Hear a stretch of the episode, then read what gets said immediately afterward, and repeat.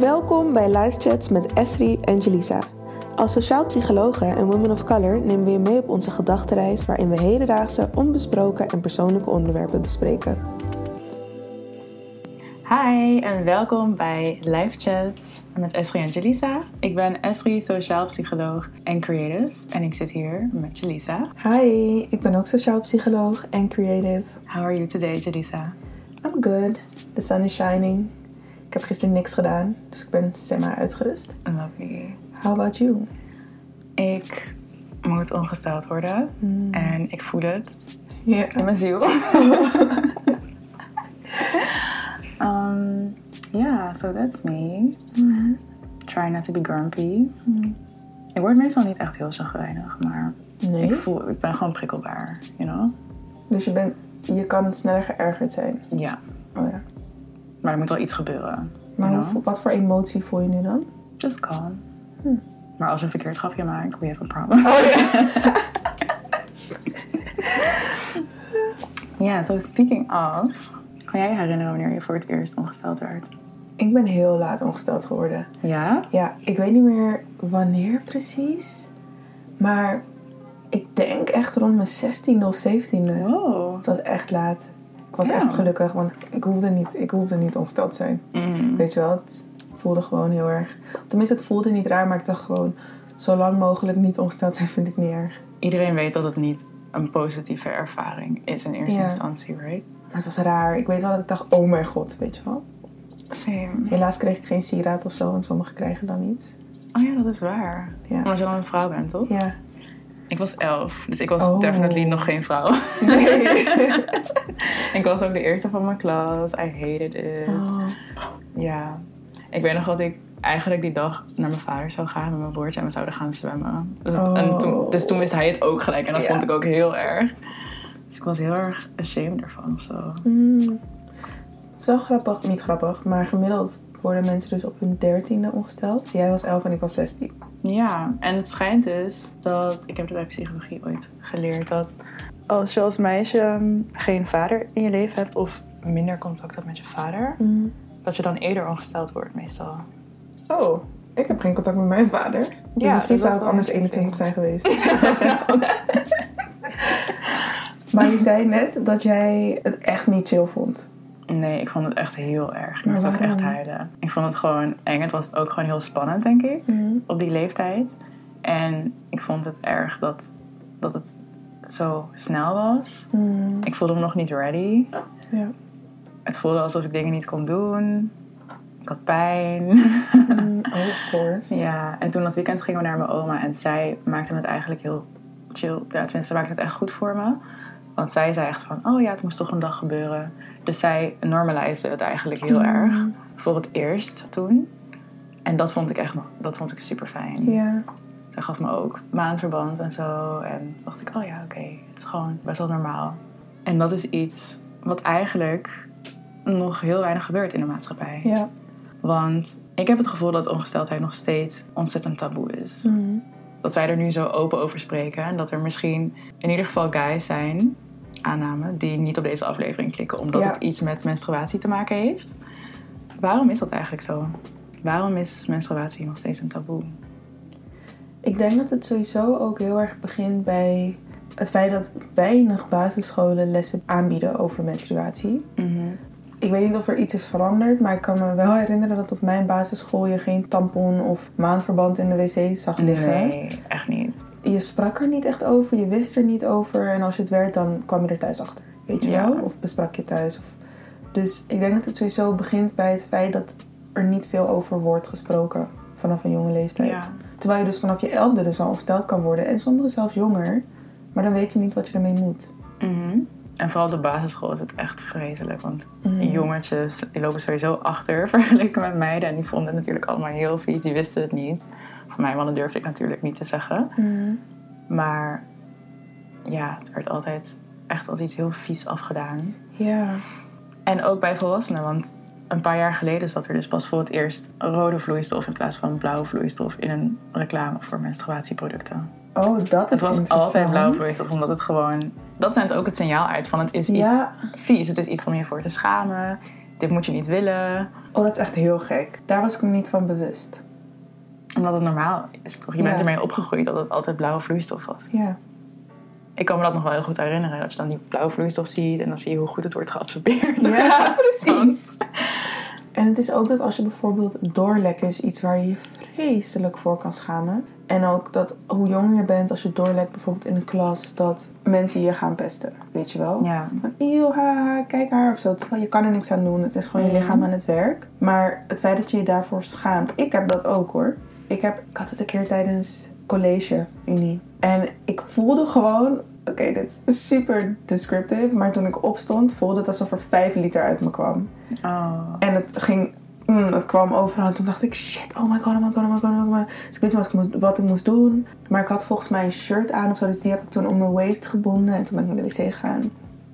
En eh, het was een vreselijke trip onderweg naar huis. Want ik was zo bang dat het gezien zou worden. Mhm. Maar ik weet niet waar dat vandaan komt. Want misschien is dat dus ook omdat er een taboe omheen heerst. Maar ook gewoon omdat het... Ik weet het niet. Want stel ik had bloed op mijn been. Had ik het even erg gevonden? Nee. Als ik een wond had?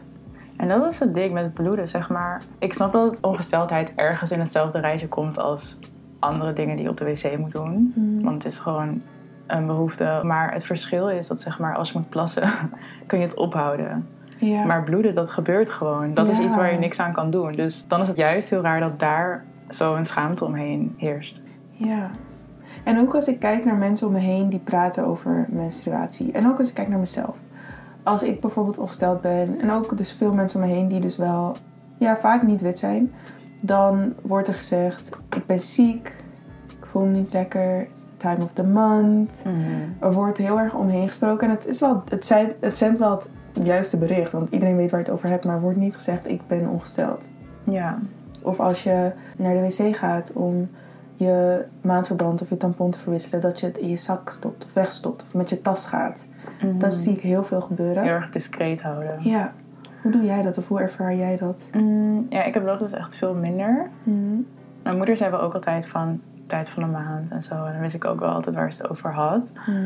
Dus ik wist wel van jongs af aan al gewoon wat het was. Maar thuis, ik denk omdat het mijn moeder, ik en mijn broertje dan vooral was, was het gewoon iets waar we openlijk over spraken. En ik heb heel lang bij Monkey gewerkt. En dat is echt een super feministische werkcultuur. Dus bijna alleen maar vrouwen. En daar werd er echt super openlijk over gesproken. We zouden gewoon echt op de winkelvloer kunnen zeggen van... hé, hey, heb jij een tampon of zo? En we verkochten ook menstruatiecups. Die destijds nog helemaal niet zo bekend waren. Want nu verkopen ze het ook bij Kruidvat en zo, geloof Ja. ik. En bij Etels en bij elke drogist eigenlijk. Maar toen het net nieuw was... Ik was toen volgens mij 20 of zo. Toen heb ik het online besteld. Toen kon je het eigenlijk nog nergens in de winkel kopen. En vlak daarna begon Monkey met het verkopen. En er zijn zoveel groepjes met tienermeiden geweest ook. Die zeiden van, eeuw, wat is Oh, dat? ja? Zo vies en zo. En dat we ook echt elke keer moesten uitleggen van, het is niet vies. Mhm. Het is juist beter, want tampons hebben bleek erin. En dat is niet goed voor je. En het Ja. zuigt alle vocht op. En dat is ook helemaal niet gezond voor je culturen. Dus ja, het was wel elke keer interessant om te zien hoe vol afschuw daarop werd gereageerd. Ja, Waar zij natuurlijk niks aan kunnen doen, want dat is echt een kwestie van educatie. Maar klopt. Maar dat is ook wel interessant omdat het niet alleen mannen zijn die er dus interessant over doen of raar over doen, maar Ja. ook vrouwen dat doen. En dan blijft het al helemaal in stand. Dan heb je een kleine groep mensen, bijvoorbeeld dan hoe jouw collega's bij de Monkey zijn. Het is ook niet vanzelfsprekend. Ja, klopt. Maar dat is dus de, de norm dan daar op de werkvloer. Ja. Want ik heb zelf ook wel dat als ik in een ruimte ben, stel ik zou op een kantoor zijn met. Ik heb een stage gelopen eh, bij een start-up met bijna alleen maar mannen. Dan zou ik ook niet met mijn tampon als zwaaiend zo naar de wc lopen. Omdat je dan voelt dat de norm daar anders is en dat het misschien minder geaccepteerd is. Ja. En dat er wel naar je wordt gekeken. En dat is eigenlijk ook weer iets negatiefs vanuit mezelf, vind ik. Want als je steeds reageert op die norm in de kamer, dan hou je het probleem ook in stand. True. Want je moet het gewoon doorbreken uiteindelijk. ja. Hoe is dat voor jou op werk bijvoorbeeld? Voor mij is het eigenlijk altijd iets discreet geweest. Wat wel gek is, want ik ben ook met vrouwen opgegroeid. Met mijn moeder en mijn zus. Alleen met mijn moeder en mijn zus. En voor ons is het thuis iets heel normaal. Dus we hebben het gewoon over ongesteldheid. Ik, ben, ik heb ziek veel ongesteldheidsklachten. Dus ik heb heel veel pijn. Ik bloed hevig twee dagen lang. Ehm, ik krijg migraine. Het is geen chille periode. Dus En daar praat ik heel makkelijk thuis over. Maar zodra ik niet thuis ben, dan is het eerder dat ik zeg dat ik migraine heb. Mm. Omdat ik dat ook heb. Maar ik weet wel waar het vandaan komt, maar dat zeg ik iets minder snel. Ja. Of dat ik dus ziek ben, me niet goed voel. Ehm, dat ik. It's my time of the month, zeg ik wel. Mm. En dan zijn er natuurlijk mensen om me heen bij wie ik me comfortabel genoeg voel om het te zeggen. Maar ik moet me dus wel comfortabel genoeg voelen om het te zeggen. En dat vind ik Ja. ook wel jammer. Want het is wel echt iets normaal. Ja, het is ook denk ik niet zo. Naar mijn mening is het niet zo dat je het altijd moet benoemen, maar het is wel, het moet kunnen. Ja. En dat is net, net, net die nuance van, voel je de ruimte dat het kan, maar kies je Mhm. ervoor om het niet te zeggen omdat je dat gewoon niet voelt op dat moment? Of voel je dat het ook echt niet mag, Ja, true. of niet geaccepteerd is? Ja, en terwijl ik heb niet per se gevoelens van het mag niet en het is niet geaccepteerd. En ik sta heel erg achter het moet genormaliseerd worden. En dat zeg ik ook altijd. Mhm. Het moet genormaliseerd worden. Maar ik zelf denk ook twee keer na voordat ik het zeg. Ja. Het is net als poepen. Mensen zeggen tweede boodschap. Of eh, ik ga naar de wc. het wordt niet gezegd. En ik denk dat hetzelfde met menstruatie wordt omgegaan. Terwijl het... Hmm, Ja, alleen het verschil is wel dat zeg maar bij menstruatie wordt er eigenlijk, vind ik, best wel gedaan alsof het iets niet normaals is. Want iedereen weet dat iedereen nummer 1 en 2 op de wc doet. nummer 1 en 2. Just say it. Iedereen weet dat iedereen poept. Oké. Uh, especially if you're vegan, every day. Maar met jouw eigen hygiëneproducten rond moet lopen buiten wanneer je ongesteld bent, dat het niet gewoon op elke wc beschikbaar is. True. Mensen hoeven ook niet met een eigen wc-rol om te lopen de hele dag. Er is gewoon een wc-rol op de wc, want het is gewoon Ja. normaal om naar de wc te gaan. Net zoals het normaal is om ongesteld te zijn. Waarom is er geen maandverband op elke wc? Heel goed punt. En dan heb je ook de tampon tax. Period tax heeft het ook. En dat is een belasting die je moet betalen op vrouwelijke hygiëneproducten. Terwijl andere producten die als basisbehoefte worden beschouwd, belastingvrijstelling krijgen. En dat is dus gek, want tampons, maandverband, menstruatiecups, dat zijn allemaal basisbehoeften ook. Maar ze worden dus niet zo behandeld in de winkel. Klopt. En dat is dan dat is net als dat je dus naar een wc gaat en het er niet is. Je hebt het nodig, want je wil natuurlijk niet doorlekken. Het is gewoon, weet je. Je kan het niet tegenhouden. Je kan het niet gewoon. tegenhouden, maar dan moet je wel meer betalen om je menstruatie te behandelen. Ja. Weet je wat ik bedoel? Je moet het zelf financieren. Ja. Pretty weird. Het zou echt beschikbaar gesteld moeten worden door de overheid. Mhm. 100%. En menstruatieklachten worden naar mijn mening ook niet heel serieus. Tenminste, mensen weten dat mensen het hebben, Mhm. maar het is niet alsof je... Er wordt nog steeds verwacht van jou dat je even efficiënt werkt. Terwijl je ongesteld bent bijvoorbeeld. Ja. Dat komt omdat het niet bespreekbaar is, denk ik. Ehm, en een andere bijkomstigheid van dat het niet bespreekbaar is, is dat heel veel vrouwen rondlopen met klachten die eigenlijk gevaarlijk zijn. Ja. Bijvoorbeeld echt extreme pijn of extreme bloeding of andere dingen. Waarvan mensen niet weten dat het gevaarlijk is of dat het eigenlijk Ja. een indicatie is van een onderliggend probleem. Omdat ze zo weinig vergelijkingsmateriaal hebben. Mhm. Omdat je niet per se met je vrienden erover praat. Ik doe dat wel, maar ik ben daarin gewoon heel open. Mhm. Maar dat is gewoon niet overal de norm. Ja, klopt. En dat is dus gevaarlijk. Want vaak is het, is het inderdaad, als je echt klachten hebt, dus zulke extreme klachten, dan is er vaak inderdaad een onderliggend probleem. Ja. En als je dat aanpakt, gaan je klachten weg. En dat, mijn moeder zegt elke keer wanneer ik weer ongesteld ben, die zegt ga alsjeblieft naar de huisarts. Want this ain't normal. Maar ik ga ook niet. Maar ik denk dat het ook te maken heeft, en dat is natuurlijk een heel ander gesprek, maar dat zwarte vrouwen sowieso minder snel naar een arts gaan om dingen te bespreken. En wanneer ze wel gaan, dan wordt het vaak niet serieus genomen. Ja, Dus dan ga je naar huis met slik een extra paracetamol. klopt. Ik ga niet om 8 uur naar de huisarts om dat voorgeschreven te krijgen, weet je wel? Ja, en dat is als vrouw zijnde alleen al zo. Word je ook al heel snel naar huis gestuurd van... ja, het is normaal om ongesteldheidspijn te hebben. Dus ga maar als, als, als zwarte vrouw is dat nog extra zo. Ja. Dus het is echt een dubbele barrière. Mhm. Ik heb ook een vriendin die een kind heeft. En ze zei dat haar weeën niet eens echt heel heftig voor haar waren, want ze deden evenveel pijn als haar menstruatieklachten. En toen besefte ze, hmm, waarschijnlijk hoorden die menstruatieklachten niet zoveel pijn te Oh, doen. Dat is echt ziek. Ja. Dus eh, ja, natuurlijk had ze pijn, maar het was geen nieuwe pijn. Ja, En ik hoop wel dat ik dat ook ga hebben. oh, dat is echt bizar. Mijn moeder zei dat vroeger altijd. Want vroeger had ik heel veel pijn. Mhm. Ook niet gezond veel. Mhm. Ik ben er overheen gegroeid. Mhm. Dus nu heb ik echt heel weinig klachten.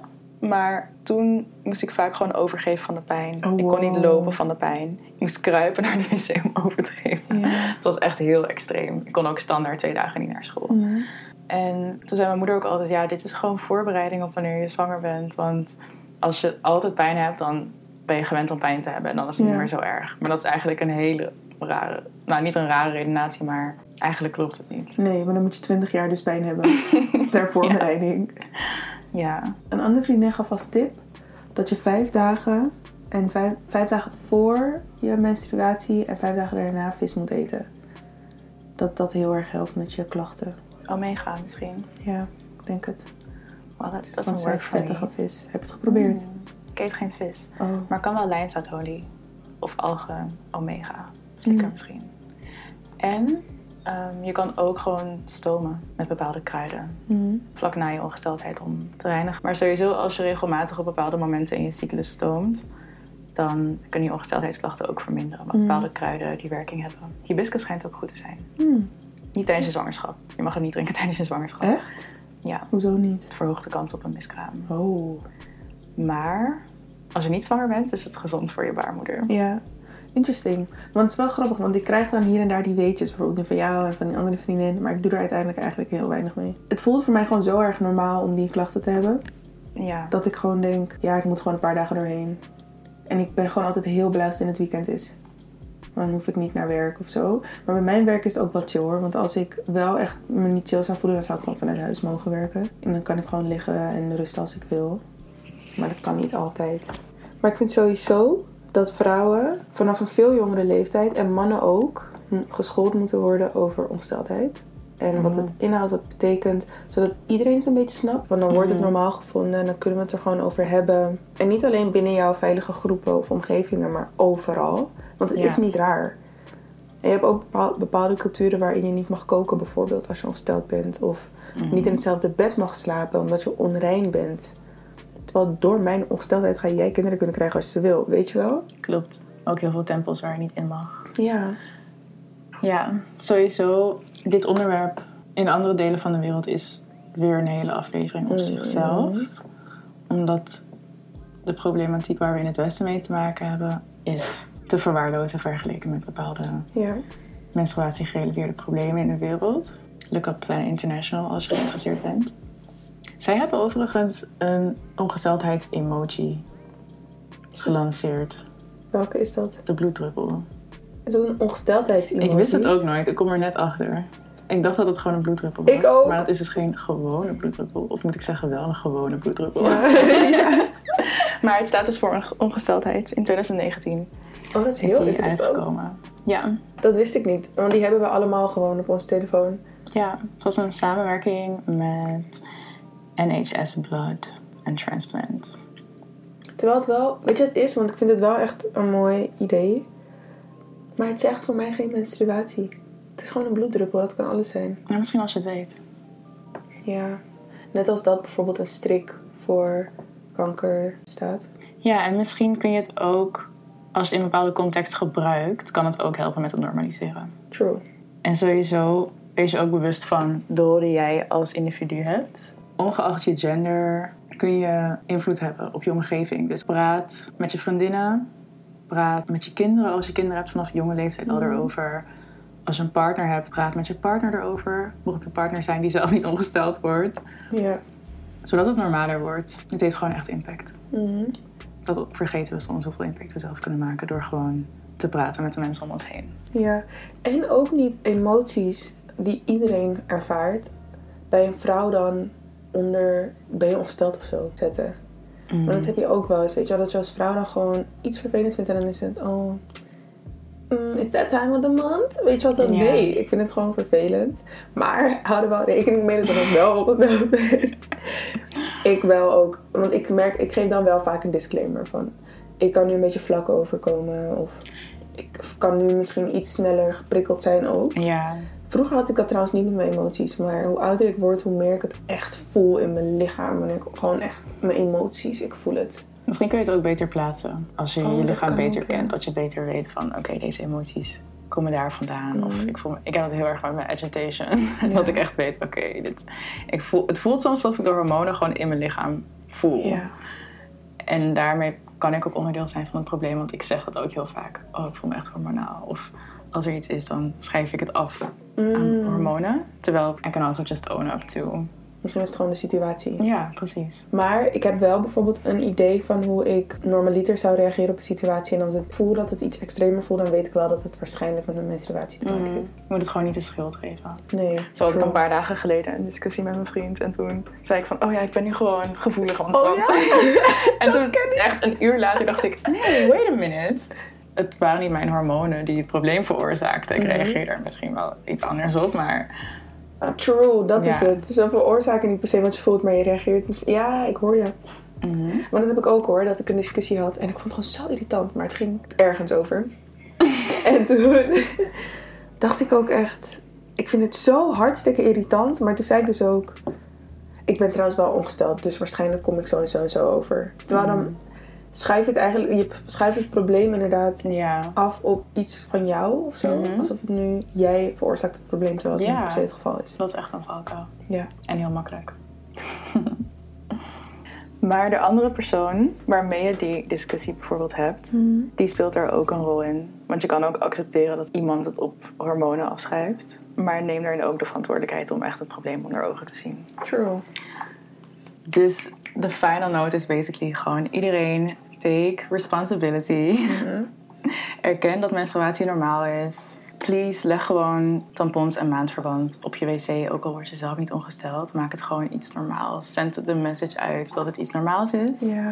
En teach your children. Young. Yes. Nice. En als final, final, final note. We hebben net ook besproken, als je last hebt, al heb je het gevoel dat jouw menstruatieklachten misschien niet heel extreem zijn, bespreek zelfs nog met je huisarts. Als je het gevoel hebt dat je niet gehoord wordt, vraag om een doorverwijzing naar de gynaecoloog. Maar zorg gewoon voor dat je in ieder geval, als er wel echt een onderliggend probleem is, dat je het voor bent voordat je te laat bent. That being said, dit was een chat eigenlijk over menstruatie. Onze gedachten en onze ervaringen erover. Uh, we hebben heel veel niet besproken uiteraard. Dus als er iets is wat je mist of iets is wat je wilt delen, feel free as always. Thanks voor het luisteren en we spreken elkaar de volgende keer. Bye! Thanks voor het luisteren. Praat met ons mee. Je kan ons op Instagram vinden onder Esri en Jade.